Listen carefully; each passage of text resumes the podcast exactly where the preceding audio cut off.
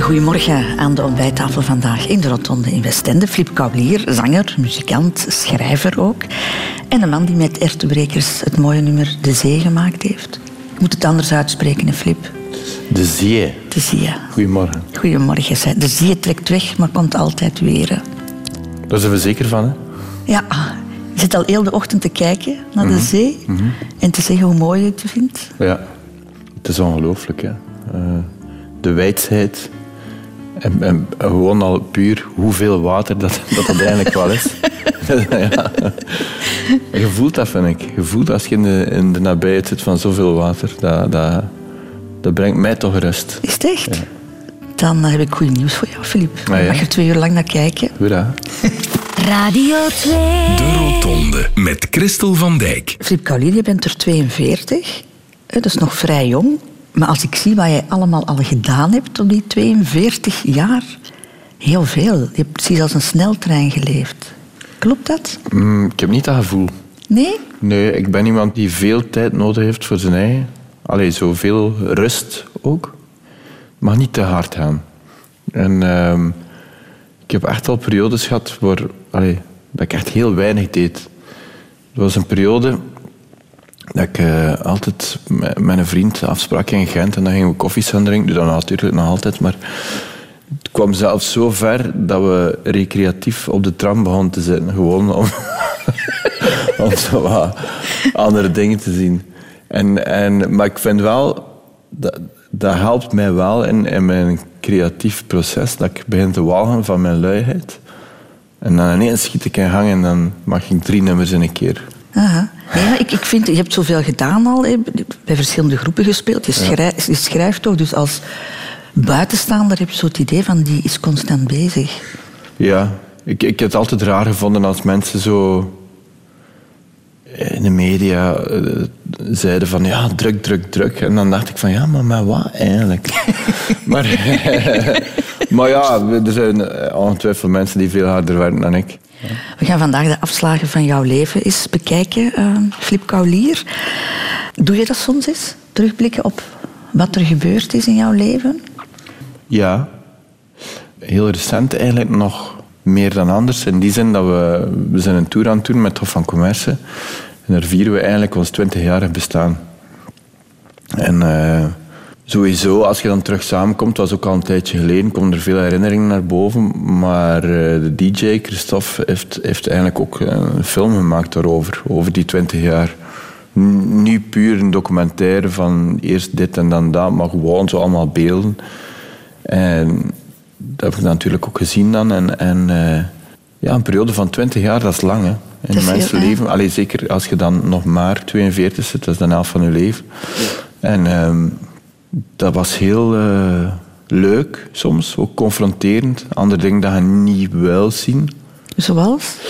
Oh, uw ja, jeugdelijke domheid, arrogantie. Uh, allee, arrogantie is veel, maar zo. Een beetje stoerdoenerij. Mm -hmm. Maar als je terugkijkt, Filip, is dat dan eerder met een tevreden gevoel? Absoluut, ja ja, ik, en hoe, ouder dat ik word, hoe meer ik dat besef. Hoe, hoe, hoe dankbaar dat ik ook ben dat ik dit kan doen. Want als kind ging er altijd vanuit dat ik dat ging doen. Maar ik ging er zomaar vanuit. Ik dacht dat dat normaal was. Omdat ik, omdat ik dat graag deed, dat dat dan ook wel ging gebeuren. Dat ik ging muzikant worden en, en, beroemd. En, maar dat was eigenlijk een beetje een naïeve gedachte. En dan is het wel zo geworden. Allee, ik ben wel een muzikant geworden en, en, en het is mijn beroep geworden. Maar dat het ook helemaal anders kunnen lopen, dan was ik misschien heel gefrustreerd geweest. Je bent een bekend persoon, Flip Kaulier. En dat is de reden dat Wikipedia jou een, eh, een, pagina heeft gegeven. En daar vind je onder meer deze info op. Flip Kaulier, geboren als Philip Willy Mariette Kaulier, Izegem 1976, is een Vlaams singer-songwriter die zingt in het West-Vlaams. Tussen haakjes het dialect van West-Vlaanderen. Wauw. voilà. Maar voor ons is dat niet genoeg, Flip. Er staat niet genoeg informatie op. Er staat niks op over de periode vooraleer jij bekend uh, was. Mm -hmm. En daarom uh, heeft Aan Koeken voor jou een nieuwe Wikipedia-pagina geschreven. Flip Koulier is geboren te Isegem als derde kind en nakomertje in het gezin Koulier. Moeder Rita was niet meteen onder de indruk van de bevalling. Ja, ik was al derde, dus ik wist al een beetje wat dat er ging gebeuren. Alles is eigenlijk normaal gegaan, daar kan ik eigenlijk niets over zeggen. Dat was dus normaal. Ja, Filip was geboren. Volgens acht jaar oudere zus Isolde zorgde de komst van Philippe toch voor een serieuze ommekeer in het gezin. stonden er buiten altijd de ketels. Eén met de pisdoeken en één met de kakdoeken. Dat is eigenlijk vooral het beeld dat ik heb. De jongste telg was dus geboren. Kleine Philippe was geen sinds een tafelspringer of opvallend kind, verzekert moeder Rita. Filip was eigenlijk een braaf kind. Hij had een handje de voorste, niet altijd aan, aan het staartje bangen, dus gewoon met moot. En zolang middelmatige Philippe klein en schattig was, viel het allemaal wel mee volgens zus Isolde. Maar eh, het moment dat ik zelf iets ouder was, dan ehm, liep hij eigenlijk dan vooral in mijn weg. En dan gebeurde het wel eens dat zus Isolde naar de grove middelen moest grijpen en Philippe af en toe een vuistje of een knietje kreeg. Ik denk niet dat er echt zware gewonden gevallen zijn, maar eh, ik denk dat er waarschijnlijk uh, in geblet van Filip. Dat deze middelmatige blijter ooit zou uitgroeien tot een podiumbeest had zijn moeder in de verste verte ook niet zien aankomen. Denk absoluut niet, want uh, zelfs in de leraar van het lagere, hij zegt, Filip, dat was een normale die in de klas zat. Ik zag er daar niemand in die gewoon op het podium staan en, en voor zoveel mensen onder entertainen. Maar zoals vele West-Vlamingen is niets wat het lijkt. Want als brave Philippe samen was met zijn vriend Laurens Kanieren, werden de duivels ontbonden. Op zondag trokken ze samen met de ouders naar de kabelliften in de Westkant. Wij vonden het eigenlijk heel leuk. Langsonder zaten er allemaal mensen op het terras en al, en even te, te steken of te stuwen, zoals heet. en wij heel stoer hey, gaan zwaaien naar die meneer, dat was blijkbaar in zijn glaszeers. En tegen dat wij op het einde waren, dan je ook in een grote mond meer, want de meneer stond daar al. Maar niet zo stoere Laurens had al heel vroeg door dat middelmatige Philippe over één uitzonderlijk talent beschikte. Ik herinner mij van een jaar of zes, zeven dat hij al, ja, hij was altijd met iets bezig van muziek. Ik heb daar uren bij gezeten. Als hij twee lepels had, dan speelde hij muziek met twee lepels. Al snel werden de lepels vervangen door een iets professioneler instrument. En toen heeft hij met nieuwjaar zijn centjes dat hij verzamelde van oma's en opa's en allemaal. Daarmee allemaal tezamen een basgitaar gekocht. In het begin van de jaren 90 gaat Philippe bassen bij het Engelstalig crossover groepje The Prophets of Finance. Ze zoeken een zanger en dat wordt Serge Buijsen, waarmee Philippe later op kot de basis zou leggen voor het Hof van Commerce. En de rest is history. Wauw. Van je familie moet je het hebben. Ja. En grappig, je moeder die zegt... Filip, dat was eigenlijk een normale. ja. Was. De Rotonde. Radio 2. Radio 2. Filip Kaulier, geboren worden, dat is de eerste afslag in een leven. Je bent, uh, je bent de jongste van drie kinderen en een nakomer ook. Dus ik ga er dan vanuit, niet meer echt gepland. Nee. de, nee, nee, ik was uh, een verrassing. Um, het gaat zelfs zo ver dat uh, mijn, mijn, mijn ouders nogal geschrokken waren dat ik... Uh, allee, dat, mijn ma, dat ze zwanger was. Want uh, ik zeg altijd, ik ben het levende bewijs dat het spiraaltje anno 1975 dan niet werkte. Bij de, bij de, de dokter zei, oh maar mevrouw moet er niet mee inzetten, we gaan dat spiraaltje weghalen. En die vrucht zal ook weg zijn. Mijn ma zei, oké. maar fijn, ik zijn nu mislukt, want kijk, ik ben er toch. En uiteindelijk toch wel welkom geweest. Ja, ik, ja, ik, ik had wel dat gevoel, ja. ja. Absoluut. Je scheelt elf jaar met je broer, acht jaar met jouw zus. Op die leeftijd zijn er toch grote verschillen, denk ik, hè, Flip? Ja. Maar, maar moet wel zeggen dat ik toen niet echt bij stil stond. Ja, dat was mijn broer en mijn zus en die waren daar. En, en uh, natuurlijk is dat niet zo dat je samen zit te spelen. Met, met, maar ik herinner me wel veel momenten samen zo. Alleen waren die wel vrij snel het huis uit eigenlijk hè, dan. Mm -hmm. Ze zijn ook jong getrouwd en, en, uh, en dan was ik terug alleen. Dus eigenlijk groei je een beetje op als enig kind, toch? Sowieso, sowieso, ja. En ik had ook wel het gevoel dat, allee, dat ik niet hard mijn best moest doen om te strijden voor bepaalde dingen te bekomen, zoals uh, uitgaan en wanneer je moest thuis zijn en al. En dat was allemaal, ja, mijn ma was daar eigenlijk heel chill in. Dus eigenlijk heel comfortabel opgevoed. Ik vind dat wel, ja. Beetje verwend ook? Misschien wel. Misschien wel. Ik weet dat, dat zeker tot het zesde middelbaar, als ik thuis kwam naar school, dat mijn ma nog boterhammetjes maakte voor mij. En ze kwam brengen bij mij aan de televisie. dat ik dan naar de series keek na school. Dus ja, dan, en, en s'morgens, maar dat was dan nog later. Ik heb zo'n tijdje, ehm, nadat ik gestudeerd heb, een tijdje terug in, in gewoond. En mijn ma, ja, mijn, vader was gaan werken, mijn broer en mijn zus waren al lang het huis uit. En ik, ja, ik sliep dan lang, maar ja, die kon dat niet goed verdragen. Maar in plaats van dan de hele tijd te zagen of zo daarover, dan bracht ze gewoon vrij vroeg koffie naast mijn bed. dus dat wel haar manier om mij wakker te maken. Maar ja, dan, dan zijn ze verwend. Hè. Ja, kun er niet rond eigenlijk. Eh, hadden ze moeite om jou los te laten? Mm, nee, denk ik niet. Ik heb, ik heb nooit dat gevoel gehad. Wat voor soort van opvoeding heb je gekregen? Kan je dat omschrijven? Wel, ik, ik denk dat, dat dat wel wat klopt. Zo. Allee, daar juist ging dat nu over die bevalling, het derde kind. Maar ik denk dat je dat kunt doortrekken naar alles. Eh, alles was al een keer gebeurd, hadden alles al een keer gezien op dat gebied. En ik denk dat je als ouder sowieso minder zorgen maakt over, eh, over allee, ja, de details, denk ik. Ik, ik. ik heb één kind en ik weet, als die geboren was...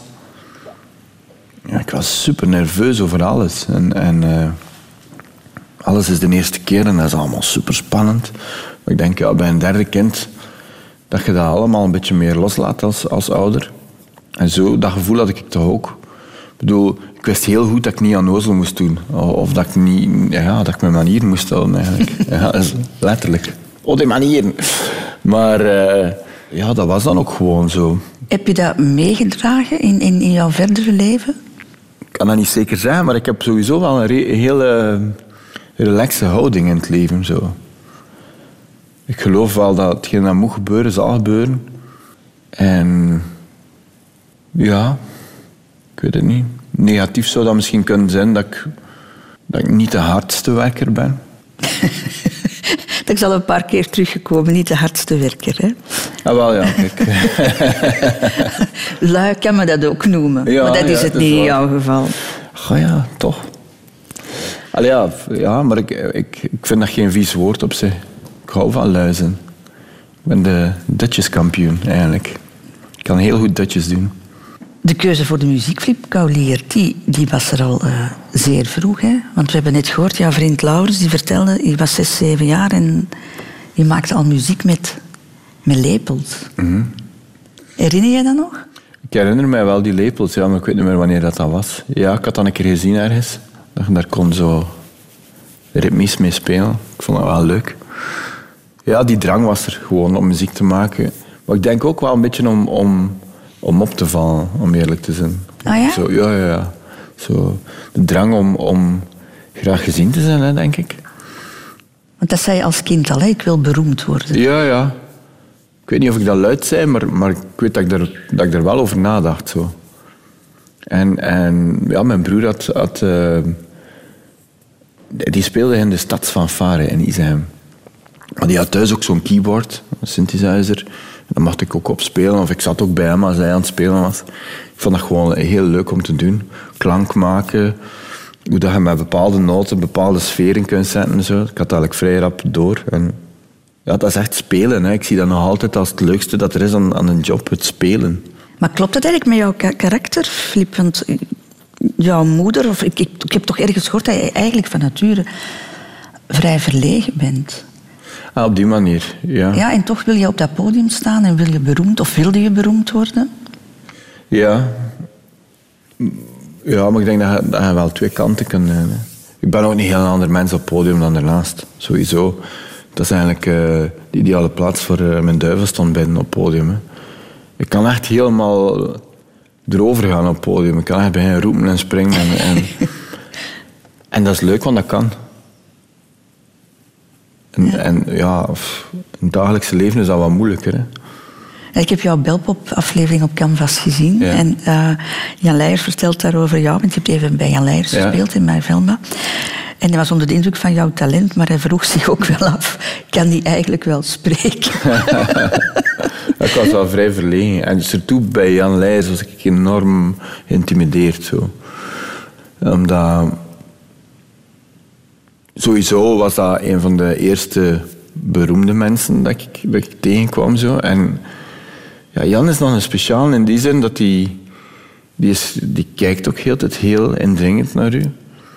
En als je iets zegt tegen hem, gaat hij niet altijd direct antwoorden. Maar gaat hij daar soms over nadenken, soms oncomfortabel lang eigenlijk. Als je zegt iets, dan blijft hij zo kijken en dan na tien seconden, wat dat een eeuwigheid is, zegt hij ja of nee of zijn mening. En uh, ik vond dat wel intimiderend. Mm. Dus het was eigenlijk zijn schuld. we, sla we, slaan een, paar stappen over nu, want je bent eigenlijk in de fanfare begonnen. Ja. Wel ja, dat was allemaal in, in, in die hele vroege periode. Mijn broer zat er dus in. En uh, ik, ik, mocht mee en ik mocht daar ook zo wat slagwerk doen. Percussie, ik vond dat leuk. Ik mocht zo op die hele grote groskes spelen. Zo'n enorme basdrum eigenlijk. Met van die enorm grote stokken met zo van die bal op. Boing! En ik vond dat heel leuk. Uh, tot het moment weliswaar dat, dat er moest een kostuum aangedaan worden en dat ik dan op straat moest gaan marcheren, want dat stond mij niet aan. Ik was dan ook zo, ja, ik denk rond de 12 jaar en zo. En dan dacht ik al van, hmm, dat ga ik niet doen. Allee, ja, ik was al een beetje beschaamd ervoor. Dat klopt niet met jouw imago of met hetgeen ja, dat je wou, wou uitstralen? Waarschijnlijk, waarschijnlijk. Daar was je dan al mee bezig? Ja, ja, ja, ja. Ik denk dat iedereen rond die leeftijd wel zo zich een beetje begint af te zetten van van alles wat traditioneel is. En, en ik heb ook wel even een korte periode gehad dat ik niet met mijn ouders wou gezien worden of zo. Omdat ik dacht, ja, dat, dat waren dan oude mensen voor mij. En, en mhm. Maar ik denk dat dat, dat niet, niet raar is. Hè. Ik ben blij dat dat niet te lang geduurd heeft. Dan komt de schoolband, ja. waar jij dan keyboard speelt en dan afgedankt wordt. Ja. Is de flip. Wat moet dat voor een klap in jouw gezicht geweest zijn? Ja, dat was wel pijnlijk.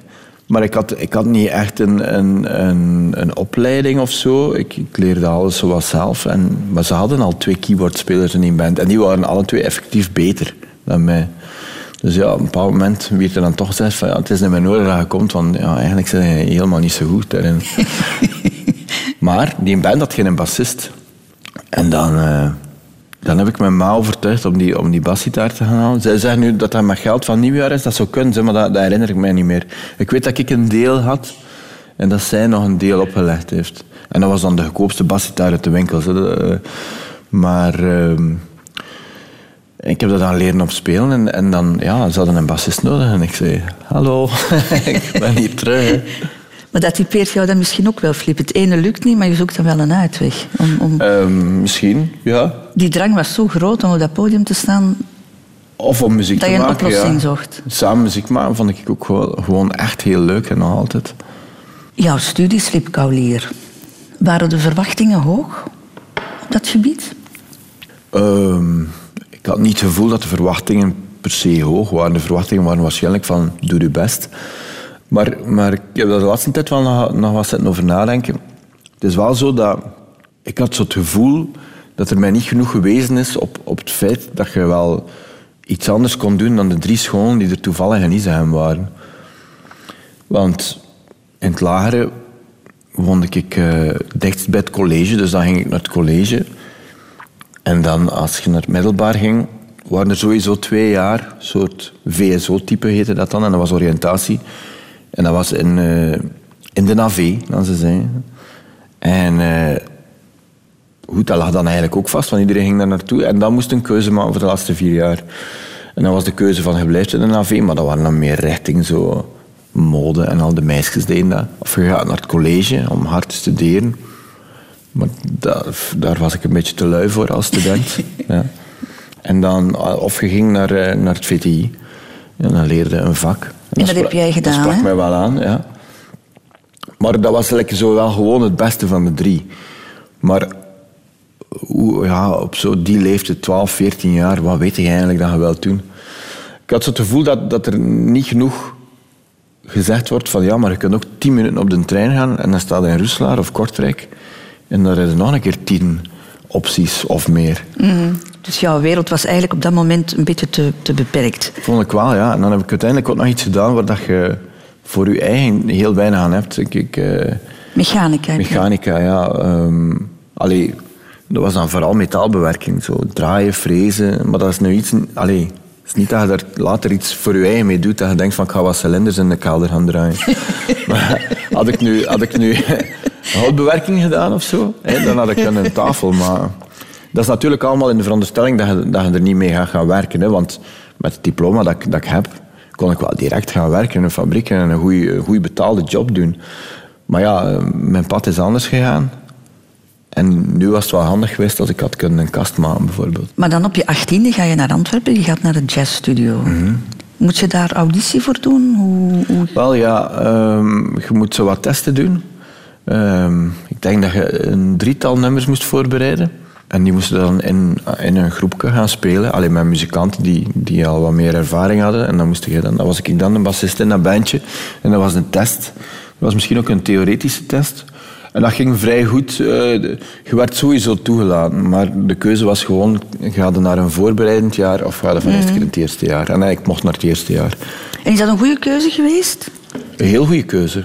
Was dat een wereld die openging of hoe, hoe moet ik het... Wel, ik denk vooral eh, op het gebied van menselijke ontplooiing en, en een beetje uit mijn schelp komen, dat, dat, er, dat er daar wel veel gebeurd is.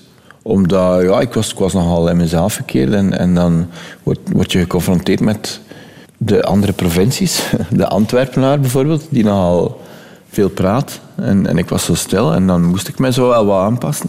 Ik denk dat mij dat wel goed gedaan heeft. En puur de opleiding was super interessant.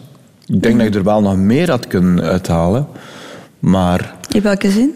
Wel, zo de, al de lessen, de, de, de privéles, baas en de, het ensemble, echt het spelen en zo, dat, was, dat vond ik zalig. En dan, dat, daar deed ik heel veel voor en daar haalde ik ook heel veel uit. De theorie, ja, dat is nooit zo echt mijn ding geweest. En, had ik gewoon eh, iets harder mijn best kunnen doen.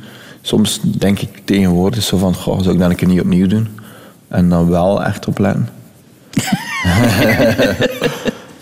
Maar goed, die periode is belangrijk geweest, want daar is toch jouw eerste groep ontstaan. Hè? Ja. Tof van Commerce Ja. is op jouw studentenkamer Ja. ontstaan. We hadden al samen muziek gemaakt, Serge en ik. In, in die een band, The Profits of Finance. Eh, maar dat was zo wat doodgebloed. En, en eh, ik studeerde dan in Antwerpen. En, en Serge kwam af en toe naar, eh, naar Antwerpen af voor een avondje te hangen, eigenlijk. En wij waren heel vaak naar hip-hop platen aan het luisteren en daar zo'n beetje over aan het, aan het zeveren eigenlijk. In het, in het West-Vlaams daarover aan het rappen en zo halve zinnen. En, en totdat we op het moment echt een keer zijn beginnen schrijven en zo. En dan ontdekte van, amai, dat gaat snel. Als je je eigen taal pakt. Want daarvoor was, was het in het Engels. Dat waren allemaal clichés op een hoop. Je kunt niet echt iets vertellen, maar dat, dat was Vlaams, dat, dat, dat vloog eruit. En daar was het eigenlijk geboren, toch, van commerce. Weet je nog wat voor gevoel het gaf de eerste keer dat je je nummer hoorde dan op Studio Brussel? Dat was een fantastisch gevoel. Dat was, dat was ja, iets dat je als kind van droomt. Van, ja, dat er echt iets gebeurt met de dingen dat je maakt. Dat wordt op de radio gedraaid. Dat, dat was een big deal. Dat is eigenlijk nog altijd een big deal. Radio is niet gemakkelijk. Hè? Dus die gast van het label was daarmee geweest naar Studio Brussel. En, en die had toen like, wel al gezegd van... Ah ja, we gaan dat dan draaien. Vrijdagavond gaan we dat draaien. Dus ja, wij zaten klaar. Hè. En dan, dan kwam het. Dat was een moment. Dan kwam het. ja. Radio 2. De Rotonde. We gaan het eens over iets helemaal anders hebben, Flip Kaulier. Over jouw passies. Jouw technische passie. Jouw papa was televisietechnieker, dus die was ook al met techniek bezig. Heb Ja. je dat van hem, denk je? Ik heb het in ieder geval heel vaak gezien dat hij, dat hij met dingen aan het knutselen was. Sowieso, het feit dat ik hem gewoon heel veel dingen heb zien herstellen, was hij ook eh, aan het creëren. Hè. Was die dingen aan het maken. Die, die maakte versterkers, die maakte speakers. Ehm, hij heeft ooit een synthesizer gemaakt ook. Ehm, en daarnaast had hij ook eh, hobby's. Heel veel. Allee, ja. De voornaamste hobby was modelbouw En dan eh, vooral op afstandsbediening. Dus hij maakte eh, modelbouwvliegtuigen, waar dat hij echt mee ging gaan vliegen. Hij was er heel vaak mee bezig. En dat was fascinerend om te zien. Hè. Hoe dat al die stukken in elkaar pasten. Hoe dat, ja, Gewoon heel dat proces. De romantiek ervan ook. Bijvoorbeeld de geur van, van een soldeerbout vind ik nog altijd zo... Als ik daar ruik, is van... Hmm. Terwijl dat zeer heftig is, denk ik. Maar goed. Ja, maar jij bent er ook heel erg mee bezig. Hè? Met, wat is jouw passie? Elektrische auto's? eh, Ja, ehm, Computers, Ja, techniek in het algemeen. Techniek in het algemeen. En, en de laatste jaar, ja, eigenlijk de combinatie van, van wat dat nieuw is en wat dat oud is. eh, gewoon hoe dat, like bijvoorbeeld die uurwerken, hoe dat, hoe dat, dat eigenlijk een, een huis is op zich in een heel klein doosje met allemaal onderdelen die aan elkaar lopen. En dat dat gewoon in, in, in, veel gevallen door op te winnen of door de beweging van je pols dat dat huis blijft draaien. Dat, dat heel die machine dat blijft werken. En zolang dat je ze draagt, blijft ze werken. Er zit geen batterijen. Al die onderdelen zijn zo goed gemaakt op elkaar dat dat, dat, dat gewoon werkt. Dat is, Haal je dat soms uit elkaar en zo? Om, om... Oh, kijk, ik heb wel al een keer eh, gewoon puur voor de hobby ja, een, een goedkoop uurwerk opengemaakt. Ja. Maar dat is niet iets dat je echt zo kunt van zeggen. Ik ga dat hier zelf op mijn eigen keer ontdekken. Hoe dat je een uurwerk moet maken of herstellen. en Zo. Dat is echt wel... Dat is zo precies allemaal. Ja, ja, het garandeert iets kapot maken. Maar wat ik wel al gedaan heb, is, is eh, computers opengevezen, andere harddrives ingestoken, eh, mijn iPhones. is valt het scherm kapot, nieuw scherm en nieuwe batterij, allemaal. En, en dan vaak via YouTube tutorials en, en dat gewoon doen. Ik vind dat zalig. Maar je gaat er heel ver in, hè? Ehm, wel, wel ja, ik vind, vind, dat, vind dat wel eh, heel leuk. Ehm, wat, wat bedoelde mij? Hij gaat er heel ver Ja, je, je, je zoekt dat op. eh, Ah, ja. YouTube-kanaal. Ja, ja, je zoekt absoluut. alle nieuws daarover op. Ja, ja, dat, ja, dat is hetgeen. Ik, ik heb nu iets ontdekt en, en dat is een wereld dat ik, dat ik niet van wist. Maar er bestaan dus een hele hoop mensen op YouTube die, die ehm, filmpjes maken van hoe dat ze eh, oude tools... En dat kan een hamer zijn, dat kan een zaag zijn, dat kan een boormachine zijn. Al die dingen, een, een bankschroef, hoe dat die dat volledig uit elkaar halen. Al het roest verwijderen, al de kapotte onderdelen eventueel opnieuw draaien en dat dan terug in elkaar steken. Dat zijn vaak filmpjes die in tegenstelling tot veel op YouTube zonder klank zijn. Gewoon, ook geen gepraat, gewoon beelden, vaak versneld. Dat je zo... Ik vind dat super rustgevend. Ik vind dat leuk. Maar je wil het zelf ook gaan doen. Ja. Zo'n filmpje maken. Ja, ja. Wat het filmpje maken, dat weet ik niet. Maar, maar ik denk dan wel van, goh, zou ik hier iets in huis hebben die een keer moet eh, gerenoveerd worden? Pas op, niet dat ik ga dan begin echt zo mijn, mijn gevel eh, doen of zo. Dan, dan komt de luiheid terug naar boven. Ik weet niet. Het is nogal vaak onnodige dingen dat ik leuk vind. Maar is dat rustgevend voor jou? Ja. Met die dingen bezig zijn? ja. Ik weet niet of dat dat is om, om... Ik vind het ook heel leuk om iets te poetsen, bijvoorbeeld. Om, om, om iets op te poetsen. Zodat shiny maken. Is het echt? Ja. Mijn uurwerk ook. Ik ik heb altijd ook een doekje mee en dan zo zit ik daarop te wrijven. Superleuk. Radio Radio 2. over de afslagen van het leven. De Rotonde. Flip Collier, het Hof van Commerce, waar jij deel van uitmaakt, hè, begon heel veel succes te krijgen. Maar op een bepaald moment beslis jij, ik ga solo als Flip Collier. Ik ga even wat stappen, wat stappen nemen. Zal alleszins om een artistieke behoefte gegaan zijn, hè? Maar het was ook een emotionele noodzaak bij jou toen, hè?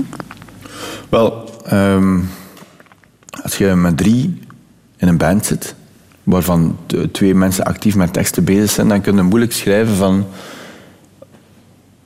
Ah, ik voel mij niet zo goed, bijvoorbeeld. En een ander moet dan ook zeggen, ah, ik voel mij ook niet zo goed. dat gaat niet. Like, de, de wisselwerking dat wij hadden, was, zo, dat, was, dat was anders. Dat was een andere dynamiek. Je kunt moeilijk over... Allez, je, kunt moeilijk andere mensen hun gevoelens beamen of, of zo. Dus denk in, in die zin dat dat daar ook wel een beetje mee te maken had. Als ik, als ik zo solo ging, dat ik dan eigenlijk echt wel meer een, persoonlijke, een persoonlijk verhaal ehm, kwijt wou met, met stukken ja, die echt uit mijn leven kwamen en andere stukken dan ook weer niet. Maar, maar echt wel een, een meer persoonlijker verhaal. En dat was een dringende behoefte op dat ogenblik? Eh, ik, ik denk het wel. Maar, maar dat kwam ook even straf uit, uit die muzikale overweging en ook het feit dat in een band... Een band is moeilijk. Ik, ik ben geen moeilijke mens. En, en iedereen heeft ideeën en dan kom je uiteindelijk op een plaat terecht waar je van sommige dingen denkt van ja, dat had ik misschien toch liever anders gedaan. En als je dan zelf een plaat maakt, dan, dan zijn de bazen, dan doe je wat je wilt. En die vrijheid zocht ik ook wel. Het was ook een moeilijke periode voor jou toen, hè? Ja. Is dat niet zo goed in je vel toen? Ik, ik ben ehm, in, ja, in, die, in die periode ben ik, ben ik zo wat depressief geworden. En, en eh, ik wist niet wat dat, was. Ik, ik, eh, ik voelde me al een tijdje niet meer goed. En, en ik nog dat ik in een auto zat, ik kwam van, van, van de radio, denk van Studio Brussel met Serge. En ik vroeg hem zo van, Serge, voelde jij je eigenlijk goed? En die zei, ja. En jij niet? Ik zei, "Pff, nee, niet echt. Maar ik wist niet goed wat dat, was. En dan zo, ja, in een van die periodes, ik voelde me slechter en slechter. En dan op een zondagochtend thuis bij mijn ouders, dan ben ik eigenlijk gewoon ja, ineengestort en, en beginnen huilen en zo. Er zelf heel verbaasd van zijn, van wat is dit? Maar mijn ouders deden daar eigenlijk niet zo raar van of zo. Die, die, ik ga niet zeggen, die zullen ook wel geschrokken zijn, maar mijn ma wist zo direct wel van, ah, maar goed, maak je geen zorgen, kom, we gaan dat wel oplossen. Eh, We gaan een keer naar de dokter gaan en zo. Dat hebben we dan ook gedaan en, en dan...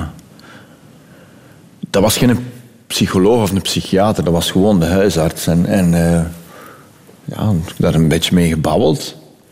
Dat was een hele menselijke gast en die zei, ja, ik denk dat je eigenlijk depressief zit. Zo. Als je wilt, kan, kan, kan ik je daar wel medicatie voor voorschrijven.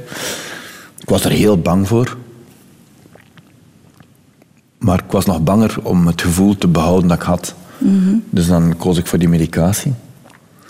En ehm, ik, heb, eh, ja, ik heb een heel lastige periode gehad. Dan, want, want het probleem met antidepressiva is dat die vaak zo in de eerste periode, de eerste maand soms, de symptomen nog wat erger maken. Waar je nog meer neerslachtig kunt zijn of nog meer angst kunt voelen. Dus dat was een lastige periode. Ik had ook zo heel vreemde bijwerkingen.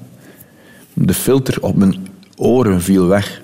Waardoor ik het uurwerk van mijn vader kon horen die aan de andere kant van de ruimte stond. En hij geloofde mij niet. Totdat ik zei, jawel pa, tik, tik, tik.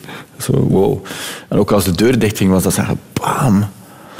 Maar fijn, eh, ik, ik wijk af. Ehm, dat heeft even geduurd, maar dan begon dat echt wel te beteren. Zo. En ehm, ik, denk, ik, ik heb zo het gevoel dat ik drie maanden in de zetel heb gelegen toen. Naar het plafond aan het kijken.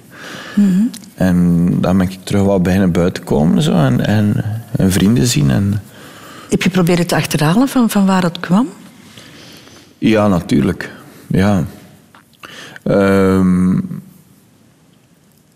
maar in al die zoek- zoektochten heb ik nooit echt iets gevonden dat, dat traumatisch had kunnen geweest zijn of zo. Of dat, ik heb niet eh, het soort verdriet van, van een verlies gehad of van... Dat was het niet, maar ik denk dat het een beetje te maken heeft met een soort chemische verstoring in mijn hersenen. Ehm, deels door aanleg en deels ook, denk ik, in die periode blauwde ik nogal veel. Ik rookte veel wiet. En ik denk dat het er echt niet goed voor is. Ehm, ja, ik denk dat ik mezelf daar een beetje de, de das om gedaan heb daarmee. En zo is dat, is dat zich bijna manifesteren. Je hebt het een paar keer teruggehad. Ja. Hè? Dat was dan gedaan? Ja. je functioneerde normaal terug. Ja. Eh, en, en dan ben je een paar keer terug in, die, in, in, in dat soort situatie terechtgekomen. Ja. Is dat iets dat je dan voelt aankomen, Filip? Ja, maar dat gaat wel heel snel. En zeker vroeger, omdat ik dat nog niet zo goed herkende. Ik wist nauwelijks wat dat was. Ik wist nauwelijks wat dat... Want ik denk dat ik de eerste keer effectief een depressie had, maar dat de keren daarachter meer angst waren. En dan bedoel ik niet angst van oei, ik moet morgen optreden, ga ik dat wel kunnen, maar echt zo een, een onverklaarbare angst die je overvalt als een fysiek verschijnsel. Alsof dat je heel hard geschrokken zit van iets, maar dat iets was er niet. Je, zit gewoon, je hebt gewoon die fysieke reactie daarop. En dus dat heb ik wel een paar keer gehad. Maar met hoe meer dat te krijgen, dan ga je meer zoeken naar wat kan ik hier eigenlijk mee doen. En dan ben ik zo'n beetje, maar dat is vooral van de laatste jaren, van de laatste tien jaar zeg maar, op het pad gekomen van aanvaarding, ehm, meditatie. ehm, het eigenlijk niet meer verzetten tegen die gevoelens. Ik neem nog altijd medicatie. Ik heb, ik heb een paar keer geprobeerd om dat af te bouwen. Soms was dat een succes voor een jaar, voor twee jaar. Maar dan altijd terug naar, dat, naar diezelfde gevoelens. Totdat ik nu eigenlijk op het punt ben gekomen dat ik weet van... Ik neem antidepressiva en dat is voor de rest van mijn leven. Ik heb er ver- verder ook totaal niks van last van. En het werkt gewoon heel goed. Ik heb een extra laasje rond mij, heb ik het gevoel. Je hebt de keuze gemaakt om eh, daar eerlijk over te zijn. Hè? Ja, Waarom? omdat dat helpt. Dat is heel lastig als je, als je dat moet verbergen. Als je nu... Beeld je in dat ik mij nu slecht zou voelen, wat dat niet zo is, en ik kom hier toe. Ja, als ik daar niks over zeg, dan, dan weten jullie eigenlijk niet goed waarom dat ik zo stil ben. Of, of, en dat verbergen gaat het voor mij alleen maar erger. Maar als ik direct zeg van, ah, sorry als ik even een break nodig heb, want ik voel me niet zo goed, dan, dan is dat eruit. En niemand gaat zeggen, Annozelaar doet door. Iedereen is heel begripvol. Toch zeker direct in uw gezicht. Dus dat is gemakkelijker. Nou, het is ook niet iets om, om je voor te schamen trouwens. Nee, nee, maar het is wel zo. Hè. En, en, en plus ook, wat dat ook wel helpt natuurlijk, is een keer dat je daar iets over zegt, hebt, krijg je heel veel verhalen terug van, ah, cool dat je daar iets over gezegd hebt, want ik heb dat ook en dit en dat. En dan voelde je, ja, je zit er echt niet alleen in. De liefde, Kaulier, daar moeten we het ook eens over hebben. Wat voor parcours is dat geweest? Ehm, wat voor parcours? Heel vroeg, heel vroeg was ik al verliefd. Ik werd heel snel verliefd. Ik herinner mij echt in de, in de kleuterklas nog verliefdheden en zo. Ja, ik was, ik was verlegen. Ik zag graag de meisjes en ik was graag bij meisjes, maar ik kon zo niet die stappen zijn, zetten om, om, om er iets van te maken of zo. Ik, ik, ik was eigenlijk maar een beetje een laatbloeier. Allee, ik had wel al liefjes gehad, maar meer dan een handje houden was dat niet zo. En dan, eh, dan, ja, ik heb eigenlijk maar mijn eerste serieus lief gehad toen ik bijna 18 was. Dus het waren voor jou een beetje onbereikbare wezens. Ja, wat dat ook heel romantisch is. Hè? Ah, ik bedoel, daar ontstaat de songwriter, denk ik. dat is misschien, allee, ik denk nog altijd dat alles rond de liefde draait. En de drang naar liefde en, en, en heel de wereld. We willen toch allemaal gewoon graag gezien worden. Maar ben je dikwijls gekwetst geweest daarin? Niet echt. Nee. Ehm, dat is wel gebeurd. Maar ook dat had een soort romantisch karakter, vond ik. Ik weet ook als, als kind, als ik fantaseerde over de liefde, dat ik wel vaak dacht aan zo probleemsituaties. en dat ik daarover fantaseerde. Zo. Dus eh, natuurlijk, als je zelf in een situatie terechtkomt dat je gekwetst zit, is die romantiek daar wel vanaf. Maar uiteindelijk viel dat nogal mee, vond ik. Je ontmoet dan iemand waarmee je zelf de beslissing neemt om ermee te trouwen. Hè? Ja. Ja, ik heb eh Bert leren kennen. Ik was denk ik 26, zij 19, een stukje jonger dan mij. En eh, ja, dat was gewoon... Dat zat er direct op. Dat was fantastisch. Wel een hele goede tijd. En eh, alles twee een beetje zot. Zij was heel, ja, serieuzer in die zin dat ze, dat ze een heel goede student was. Heel, heel intelligent. En een mooie vrouw. En, en ja, dat klikte gewoon heel goed. En op een bepaald moment zo, het romantische overweging wou ik trouwen. Niet omdat we een kind wonen of een huis kopen, maar gewoon zo, ja. Dat is superleuk. Ik, ik weet dat ik, ik heb dan een ring gekocht in de stad en in die periode hadden we, hadden we een bootje. En zo een sloepje met een motor. En dan ben ik met dat bootje naar de stad geweest en die ring gekocht en met het bootje terug. en dan ben ik op mijn knieën. Is het echt? Ja, ja, ja, dat was echt wel eh, the works. Maar eh, ja, dat was zalig. En, en ik, heb, ik heb daar eigenlijk hele goede herinneringen aan. We zijn, we zijn getrouwd, het was een fantastisch feest. We hebben ons heel hard geamuseerd. We hebben een zoon gekregen. Ehm, Alleen na een tijdje kreeg ik het gevoel, en zij ook, dat we niet meer, wij waren niet meer passioneel met elkaar. Ver van. Wij werden zo gewoon managers van huis en gezin. En, en dan wordt dat moeilijk en dat, dat kwam vaak terug naar boven. Maar is dat niet de normale gang van zaken, Flip? Je, je, je krijgt een kind, uh, je werkt allebei, is misschien een huis dat moet afbetaald worden. Dat dat passionele er een beetje afgaat? Ja, ik veronderstel van wel. Alleen was dat een pad dat, dat we niet voorzien hadden of zo. Allee, dat was, het was misschien ook, we hebben misschien ook wat ver laten komen voordat er over gesproken is. Ik denk dat je een, een relatie nieuw leven kunt inblazen, maar je moet er snel bij zijn, denk ik. Als je te lang wacht, dan wordt het moeilijk. Denk ik. Voor mij persoonlijk dan. En op een bepaald moment voelde ik heel fel... Zij had die job en er was al vrij veel stress bij ook en zo. Ze moest ook veel weg. En ja, ik merkte gewoon van... Hmm, ik merkte heel fel dat zij ook het gevoel had dat, dat ze te jong was om in dat soort sleur terecht te komen. Terwijl ik misschien net iets meer, niet veel, maar misschien net iets meer het gevoel had van... Ik kan mij hierbij neerleggen. Maar ja, we hebben daar nog veel over gepraat. En op een bepaald moment wisten we eigenlijk van... Ze kwam terug van, van, van zo'n reis voor haar werk. En ik vroeg haar van, heb jij eigenlijk nog over de situatie nagedacht? En zei ze, oh, niet echt, jij. Ik zeg, ja. En ze zo wat denkt. Ik denk van, ik zeg van, misschien moeten we er gewoon mee stoppen. Want het gaat nergens naartoe. En dat was zo'n opluchting bij alle twee. Dat hebben wij, ik denk, twee, drie uur doorgebabbeld en alles geregeld. Mm. Dat klinkt ook alsof het allemaal redelijk gemakkelijk gegaan is. Dat was ook zo. Dat er geen conflicten waren. Er was, nee, maar, maar er was ook op dat moment niemand gekwetst. Omdat, omdat we alle twee iets hadden van... Dit is het niet, maar er waren geen andere mensen in het spel of zo. Of, of. En dan denk ik, als je alle twee daar verstandig kunt mee omgaan... Ik ben er super trots op trouwens. Uh, op haar en ook op mij. Uh, dat we elkaar los kunnen laten en die kansen geven in plaats van elkaar proberen te versmachten en, en, en te, te, proberen forceren naar iets dat er toch niet kon zijn volgens ons op dat moment. En goed, ja, dat was natuurlijk pijnlijk. En, en niet in het minst om dat aan Vince, mijn zoon, te vertellen. Mm -hmm. Hij was vier, vijf jaar en dan Ja, dan, eh, dan herinner ik me aan dat gesprek. En zijn reactie was eigenlijk heel eenvoudig. Oh. En die oh ga ik nooit vergeten. Dat brak wel mijn hart. De Rotonde. Radio 2. Radio 2. We hebben het net gehad over de liefde, Flip Kaulier. Over uh, jullie beslissing uh, om uit elkaar te gaan uh, zonder bloedvergieten.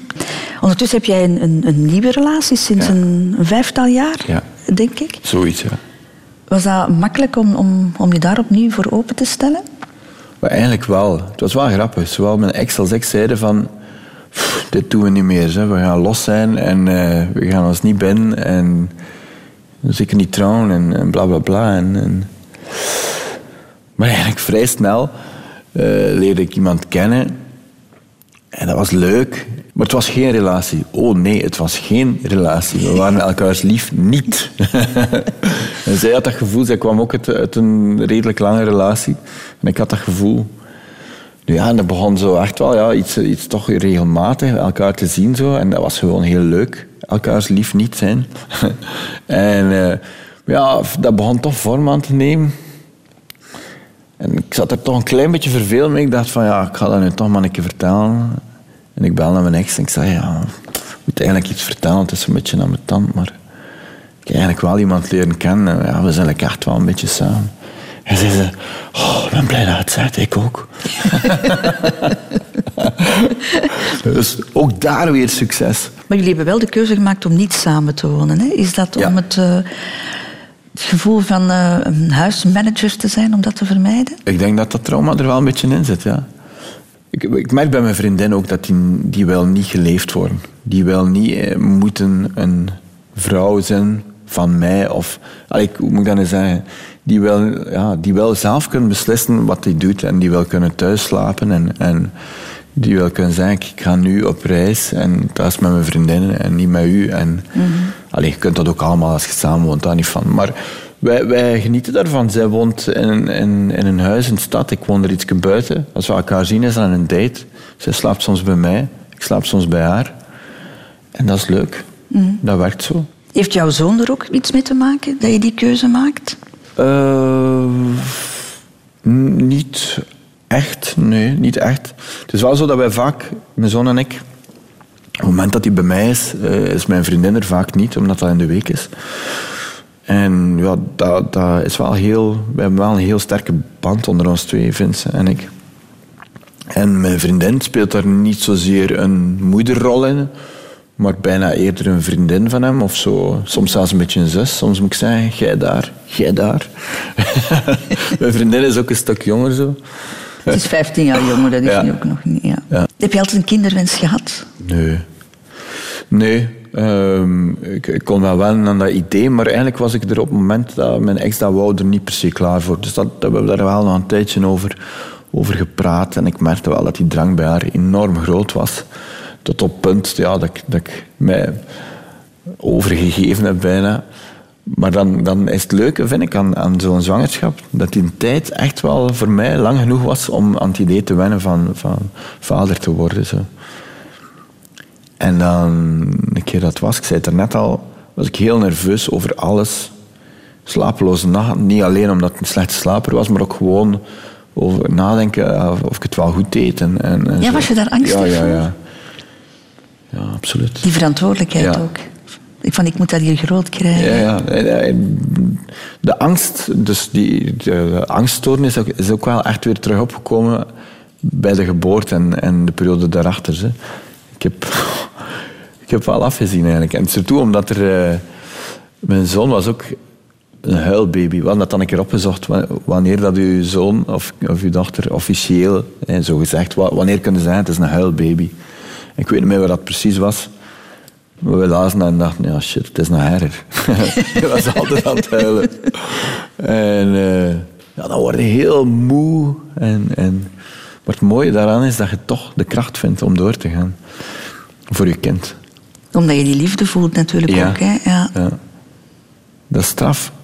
Ik sta versteld van hoe sterk dat je zit op zo'n moment. Ook al is het niet evident. Je moet je, je zoon eh, delen, hè, zal Ja. ik maar zeggen. Eh, hij is de helft van de tijd bij jou, de Ja. helft van de tijd bij, bij zijn mama. Ja. Vind je dat moeilijk? Wel, ik vind dat we, dat we wel een heel fijne regeling hebben. In, in die zin dat het niet week om week is, maar half week, half week. En dan zijn er eigenlijk altijd maar een paar dagen dat ik hem niet zie. Want ik mis hem heel snel. Dus als, ik, als hij de woensdagavond naar zijn mama gaat, dan denk ik vaak tien minuten van, ah, rust. En dan een kwartier later is het van, oh ja, het was hier wel gezellig met hem eigenlijk. Allee, ja, zo. Dus ik mis hem wel snel. En, maar dat duurt meestal niet lang, hè, want hij is dan gewoon een paar dagen bij haar en dan komt hij terug. Eh, Wij wonen ook heel dicht bij elkaar. Dus dat vind ik wel comfortabeler dan, eh, dan week om week, denk ik. Niet dat we dat ooit proberen, maar eh, bijvoorbeeld in de zomervakanties, als een keer iets langer weg is met haar op reis, dan, dan mis ik hem wel heel sterk. En vind je het moeilijk om hem... Enfin, je hem niet alleen op natuurlijk, maar je moet wel die dagen dat hij bij jou is alleen beslissingen nemen. Is dat moeilijk? Ik vind dat dat nogal meevalt. Ik vind ook dat een kind vaak gemakkelijker is als hij bij één persoon is, dan als je met twee zit. Ik vind, eh, ik vind, ik vind dat, dat een kind vaak rustiger is als hij bij één iemand is, dan als hij bij twee is. Bij twee is er zo'n soort strijd om aandacht of zo, ik weet het niet. Of, of de ene ouder zegt van, ja, je moet jij nu maar even kijken. Terwijl als je alleen zit, en dat is met alles zo, maar ook met een kind, weten van, oké, als hij valt, moet ik hem oprapen. En, en dat zorgt voor een rust. En op zich vind ik dat eigenlijk zeker niet moeilijker dan dat met twee doen. Het is ook maar één kind. Hè. Ik wil het hier niet hebben over een alleenstaande vader of moeder met drie kinderen en die ondertussen Ja. nog een fulltime job moet doen. Want dat is natuurlijk een heel ander verhaal. En, zijn jouw angsten daaromtrent ook verdwenen? Ja, nu, natuurlijk. Nu, nu denk ik binnenkort, ja, dan, eh, hij is nu tien, hè, dan, dan. De volgende tien jaar zal wel zeker spannend zijn. Allee, hoe dat hij verder opgroeit, hoe, hoe dat hij, wat dat hij allemaal gaat uitsteken en, en hoe braaf of stout dat hij zal zijn. Dus daar denk ik wel een keer over na. Nog niet concreet eh, dat dat angst is, maar ja. Ik denk daar wel een keer over. Maar het is een goede keuze geweest, die zoon. Absoluut. Ja. We zijn dan aan het einde, Flip Kaulier. De allerlaatste afslag die jij gaat moeten nemen, en dat is eh, doodgaan. ja, Normaal gezien sta je er nog wel een eind vanaf, hè? laat ons hopen. Ik denk, allee, statistisch gezien, eh, de helft ongeveer zeker, Ja. hè? Confronterende gedachten toch? Op welke manier zou jij die laatste afslag het liefst willen nemen? Bedoel je dan letterlijk hoe dat ik wil sterven? Ehm, ja, liefst in één keer. Hè. Allee, ik bedoel, Snel. Ja, snel. Ja. Ik heb natuurlijk geen zin in een leidersweg. Ehm, het idee van dat je eh, vredig in je slaap gaat, dat lijkt me wel iets. Ja. Ik ben ook bang voor, voor de dood. Ja? Ja, altijd al gehad. In periodes meer, dan weer wat minder. Maar effectief, ja, als je nu zegt statistiek, je zit aan een helft. Huh, ik wil niet aan een helft zijn. Ik ben hier zo graag. dus ik ben bang vooral niet van het doodgaan zelf, maar van het absolute niets dat volgens mij daarachter komt. Had je dat als kind al? Ja. Angst daarvoor? Ja. ja. Dat is iets... Like, eh, we hadden het daarnet over, over angst en depressie en zo. En vaak zeg ik van ja, dat is zo rond mijn twintigste de kop beginnen opsteken. Maar eigenlijk soms denk ik aan momenten dat ik in mijn bed lag en dat ik heel angstig was voor de dood. En dat ik dan... Ja...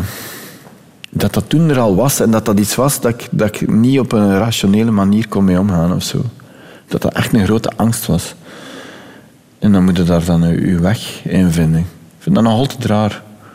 Maar gelukkig denk ik daar nu ook niet zoveel aan. Hè. Je hoort vaak mensen zeggen van, ik moet niet per se oud worden, ik, eh, ik wil een kort goed leven.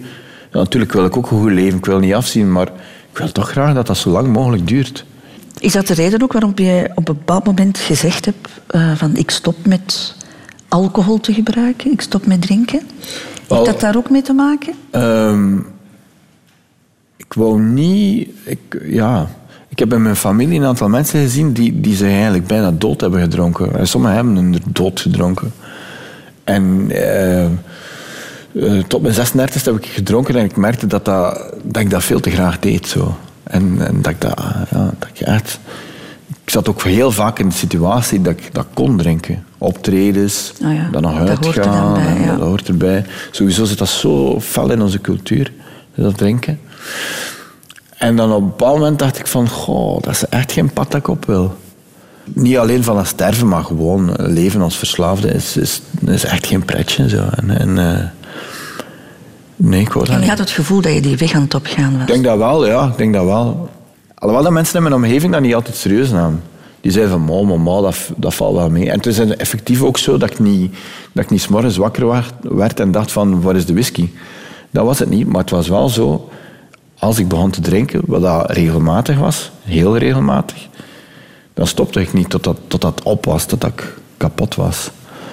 En eh, dat is natuurlijk geen gezonde houding. Je pakt het meteen heel drastisch aan, hè, Flip? Want je bent ook Ja. eh, eh, helemaal anders gaan leven. Hè? Ja, ja. Drank gebannen, sportief geworden, Ja. anders gaan eten. Ja, maar het zit altijd periodes tussen. Hè. Het is stap per stap toch. Allee, maar het is wel drastisch. Het is wel alles of niets bij mij. Dus dat drinken, niks. Echt niks. En in het begin is dat moeilijk. Hè. Om, om, om dat aan mensen uit te leggen. Allee, maar één pintje. Ja, nee. Allee, eentje. Nee. Wat ik heel veel merk bij mensen... Een trekje dat ze hebben is... Als je zoiets zegt, ik stop met drinken... Of ik eet dit of dat niet meer... Dat is een spiegel. En mensen zien dat niet graag. Want dan, dan moeten ze over hun eigen gedrag nadenken. En dat is denk ik daarom dat je vaak zo dingen hoort als allee, eentje, dat kan toch geen kwaad. Of amai, nu moet je toch niet meer vermageren. Dat, Want ik sta eigenlijk wat te dik.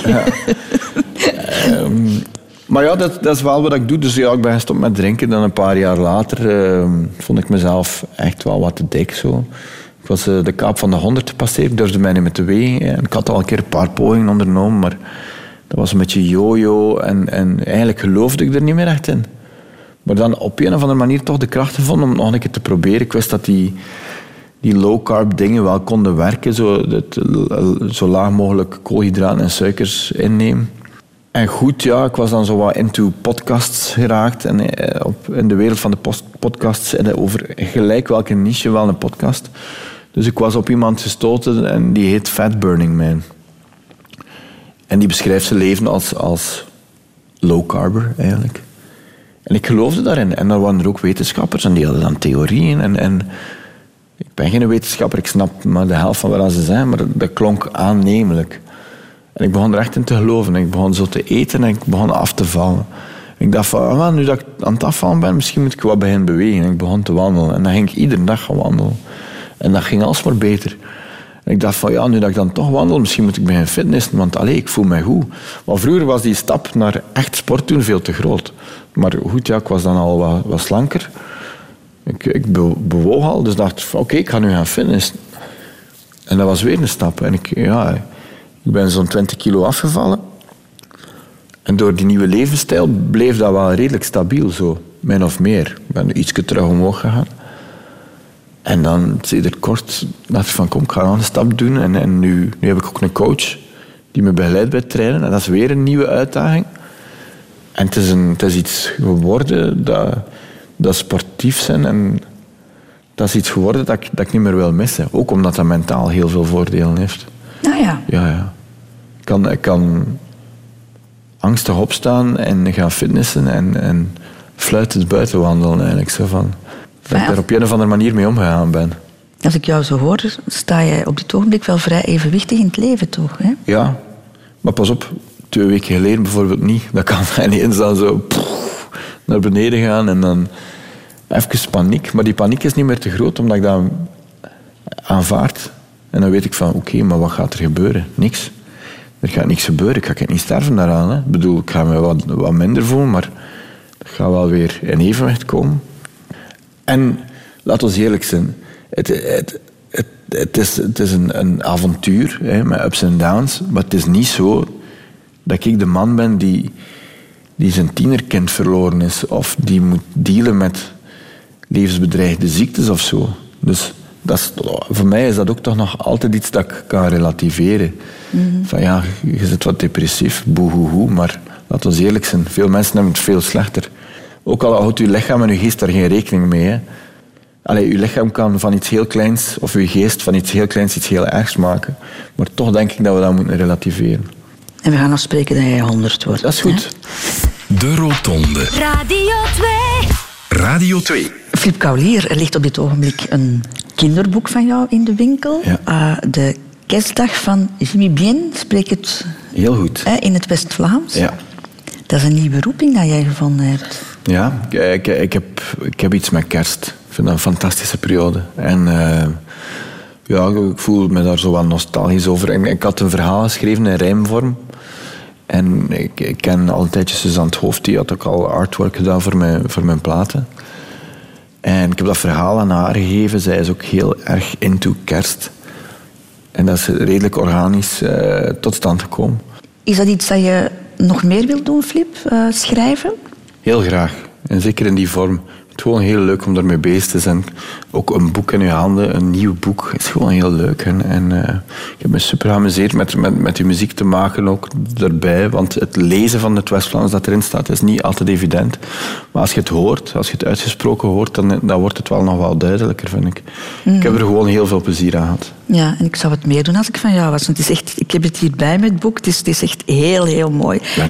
Het, is een heel fijn, eh, lief verhaal. En de tekeningen zijn fantastisch. Merci. Maar Flip, nu dat we toch over boeken bezig zijn... Ja. De Rotonde heeft ook een boek uit. Voilà, dit is het. Dank u wel, Alsjeblieft. dank u wel. Wat kan ik hierin vinden? Eh, een blik achter de schermen, wat verhalen, eh, wat wijsheden. Super. het is een terugblik op vier jaar Rotonde. Fantastisch. Dank u wel. Merci. Flip Kaulier, ik vond het heel fijn om met jou te ontbijten. Dank u. Ik ook. ben heel eerlijk geweest, maar we hebben ook wel heel goed gelachen. Dus dat is eh, de perfecte mix eigenlijk. Dus eh, nog één ding, en dat is mijn gastenboek. Zou jij daar iets in willen schrijven, alstublieft? Zeker, zeker. Lieve Christel en Co, wat een leuk moment.